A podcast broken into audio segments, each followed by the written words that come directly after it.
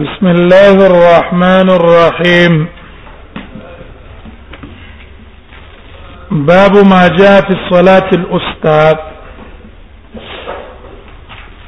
باب ده بیان د هغه حدیثو کې چې راغلي ده په تفسیر د صلات اوستا کې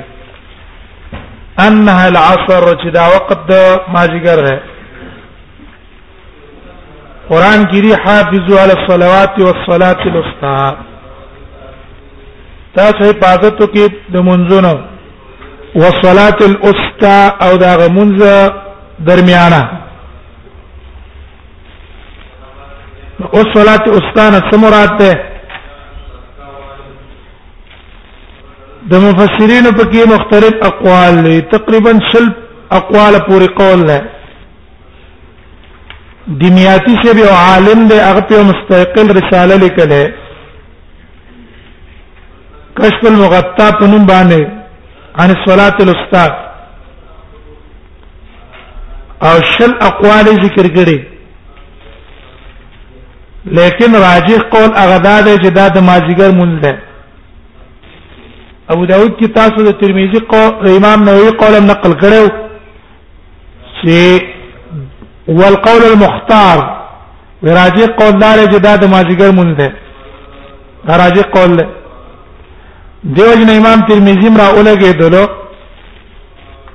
او حکم یې په کړلو چې باب ما جاء في الصلاه الوسطى انها العصر چې دا د مازیګر مونږ ده او دا راجح قول دی چې دا د مازیګر مونږ ده ورسو بیان ترمذی یو قول نقل کی د امام شافعی چې دا د سار مونږ هغه ویل بل قول به نقل کی چې دا د ماسخین مونږ ده لیکن راجح قول لري چې دا د مازیګر مونږ ده نو اوستا یا د وسط نه ماخوذ ده درمیانه ته وای او یا د غوره نه ماخوذ ده دا غوره مونږ ده سمره بن جندب ته نبی صلی الله علیه وسلم روایت کوي انه قال فی صلاه الاستا صلاه العصر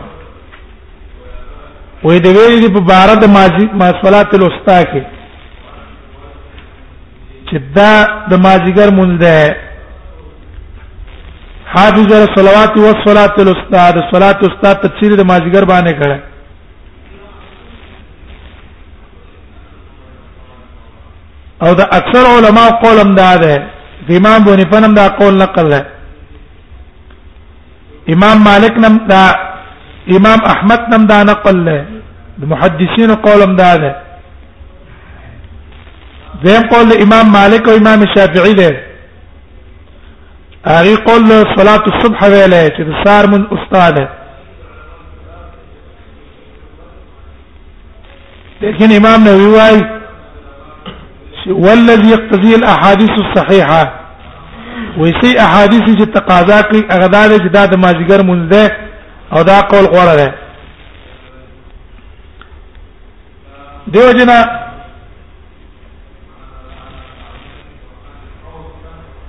دغه علما امام نووي شافعي ته منسوب ده لیکن دلته چې د امام قول کمزور دی د احادیثو نه قول په څو کړو په صحیح احادیث باندې وکړو او ماوردی بیا شوافیو کې عالم دی هغه د امام شافعي تصریح نقل کړی دا چې امام شافعي وایي چې صلات استاد ماجیګر مونږ ده او بیا ویلي چې صحیح احادیث کې دا نه امام شافعي وایي دا د سار مونږ ده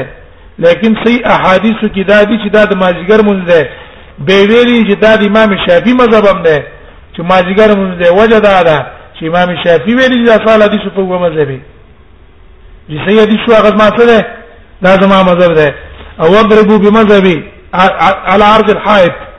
او ما دا خبره د دیوال نه ویولې نو دیوال نه شي احادیث داري من به دې پسې شو وبي قال حدثنا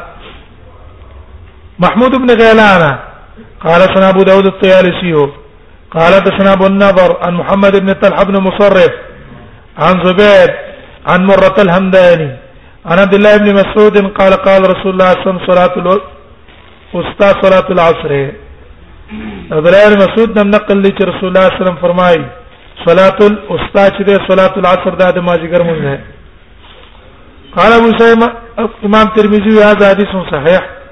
دا حدیث صحیح ده وفي الباب عن علي وعائشه او په دې باب کې روایت نقل له علي نه هم د عائشه نه هم د حفصه نه هم د ابي هريره نه هم د ابي هاشم ابن عتبه نه هم هغه نم نقل له قال ابو سعيد قال محمد قال علي بن عبد الله و امام محمد وای چې علي بن عبد الله وای حدیث الحسن عن سمره حدیث حسن حدیث د د سمره حدیث د حسن د سمره نه حدیث صحیح حسن ده وقد سمع منه ده تیوری دی دا امام ترمذی اشاره کوي اختلافي مسلې ته چې ابو داود کې تاسو ویلې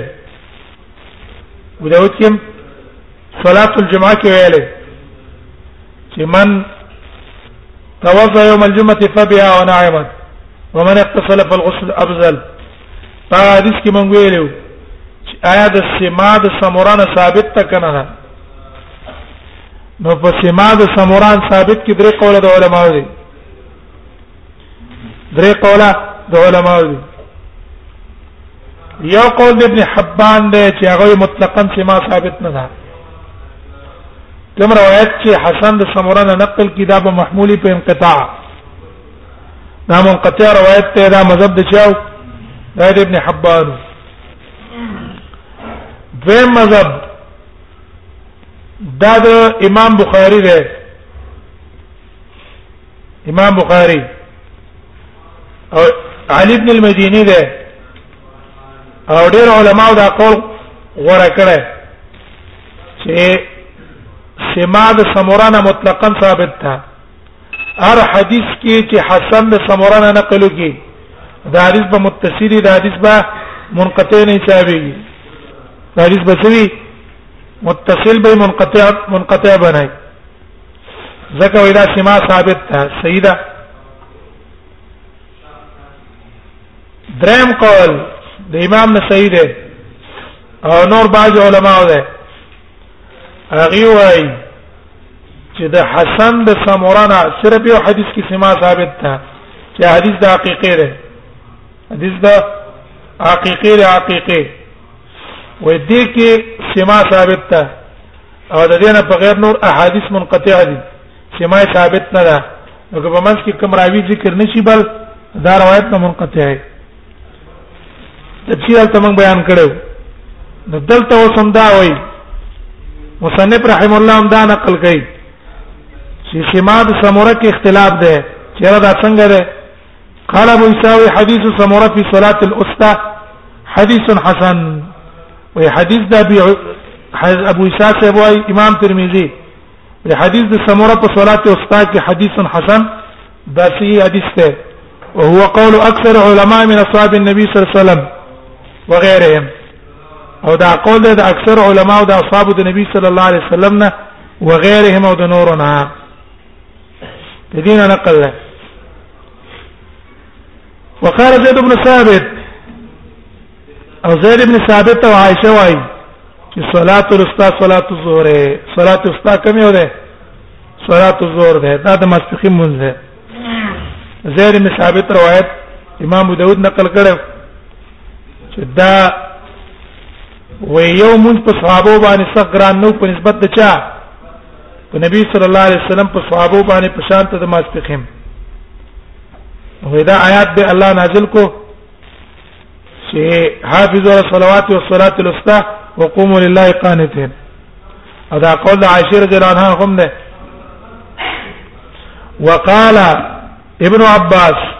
عبد الله ابن عباس ابن عمر وصلاه الوسطى صلاه الصبح وهي صلاه استاذ صار منذ ادا قول مال امام مالك وامام الشافعي هم ده وبي قال ابو موسى محمد المثنى قال سنه قريش بن انس عن حبيب بن الشهيد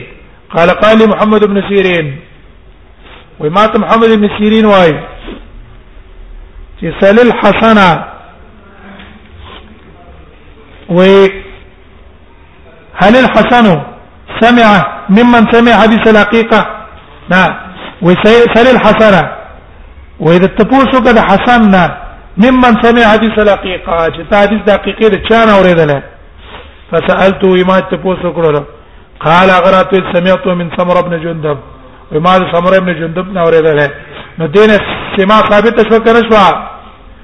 نو کم کسان چې نفي مطلقاً کوي چې نه دا ورېدلې لکه ابن حبان دا قول سره شو صحیح نه شو او څوک چې وایي چې صرف دا څه نقل له هغه په دې صرف استدلال نه ولا قال ابو سوای واخبرني محمد بن اسماعيل وما امام بخاری خبر را کړه انا علي ابن عبد الله ده علي ابن عبد الله نه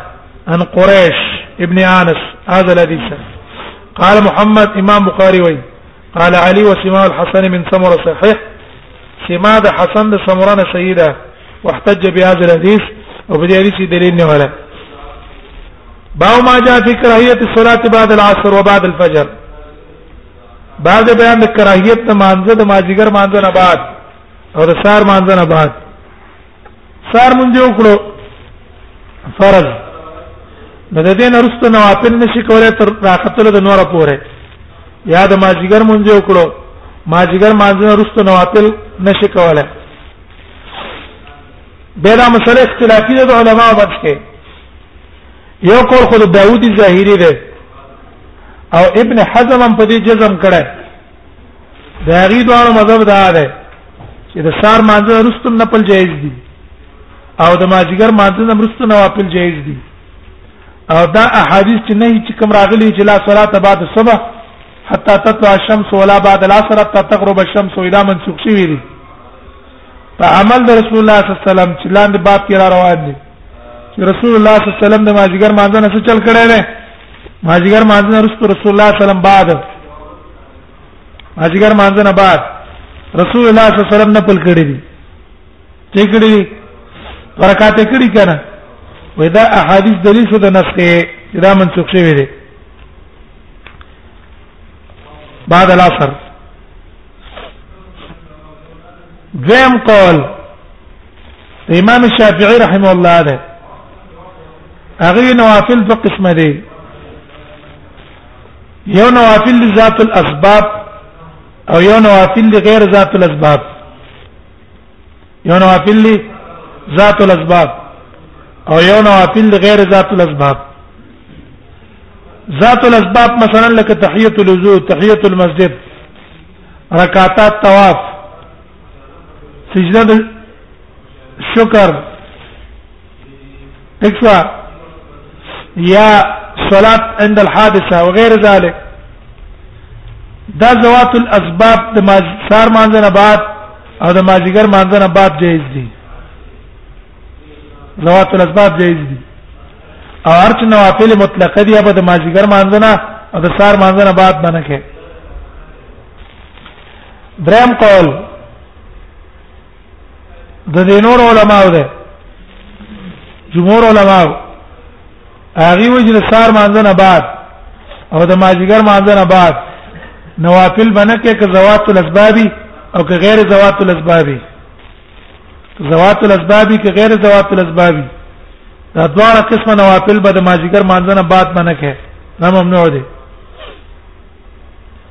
او په دې احادیث د نهي باندې استدلال نه ولا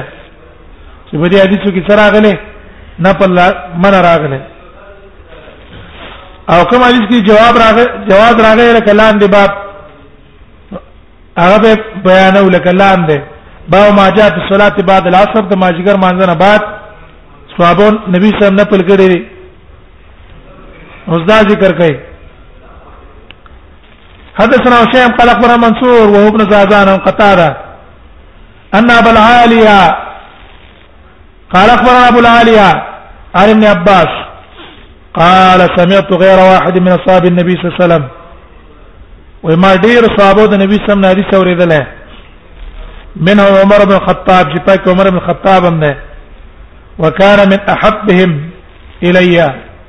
او دا په دې ټولو صحابه کې ما ته ډېر محبوب وو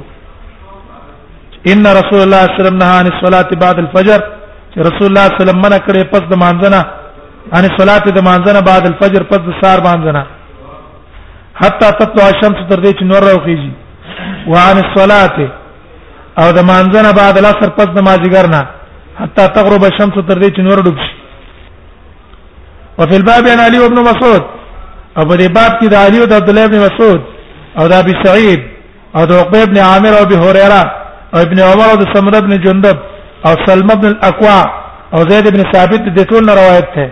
عبد الله ابن عمر معاذ ابن عفراء والصنابحي د ټول روایت ده دیوس وی والصنابحي لم يسمع من النبي صلى الله عليه وسلم دي سنا به حيد رسول الله صلى الله عليه وسلم سمعنا لك دا به ما خبر ته اشاره کوي پاول حدیث کې نو پاول باب کې سنا به هیو کنه درې قسمه سنا به هیو یو په اتفاق تابعي یو په اتفاق باندې صحابي دي او یو مختلفون فيه دي نو دا وی سنا به د نبی صلی الله علیه وسلم سمعنا لك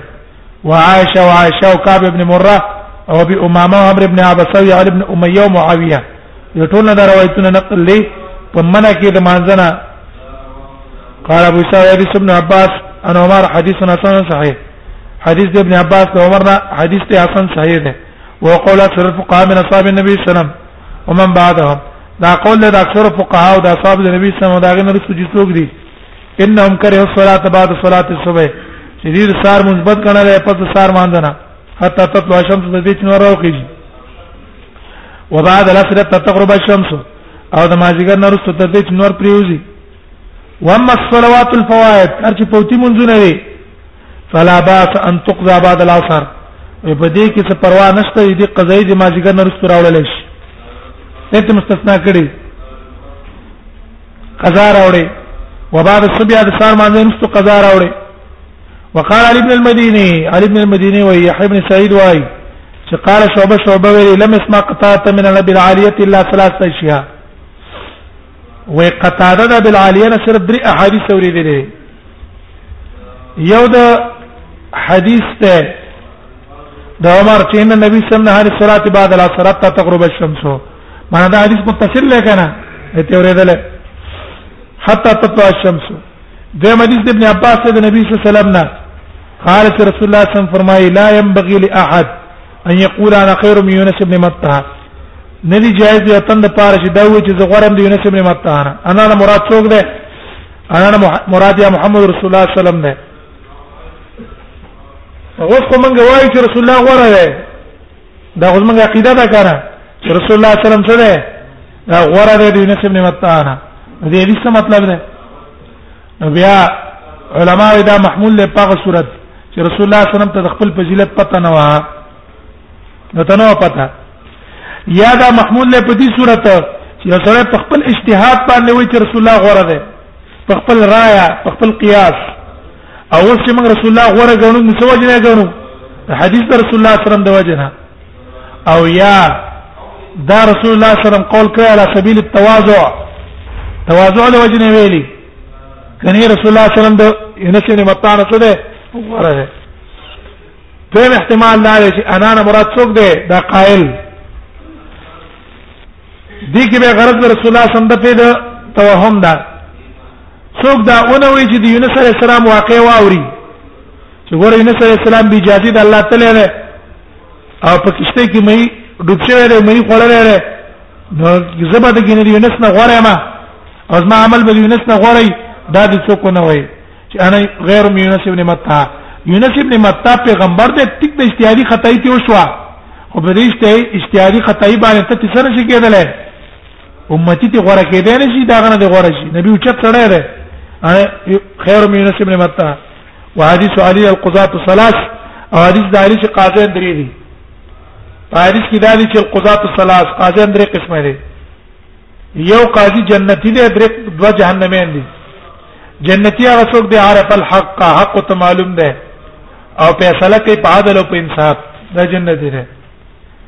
جهنمی دو قاضین دی یو هغه دی چې حق ته معلوم ده او په فیصله کې ظلم کوي دا جهنمی نه بل هغه چې پته ته رسته جاهل نه حلال حق او غیر حق پیژني نه شریعت پیژني نه اور علاوه په ظلم باندې په جهالت باندې فیصله کوي نو دا سره جهنمی ده نو حدیث سالین القضات ثلاث دا حدیث یو ردل دا نور دینه په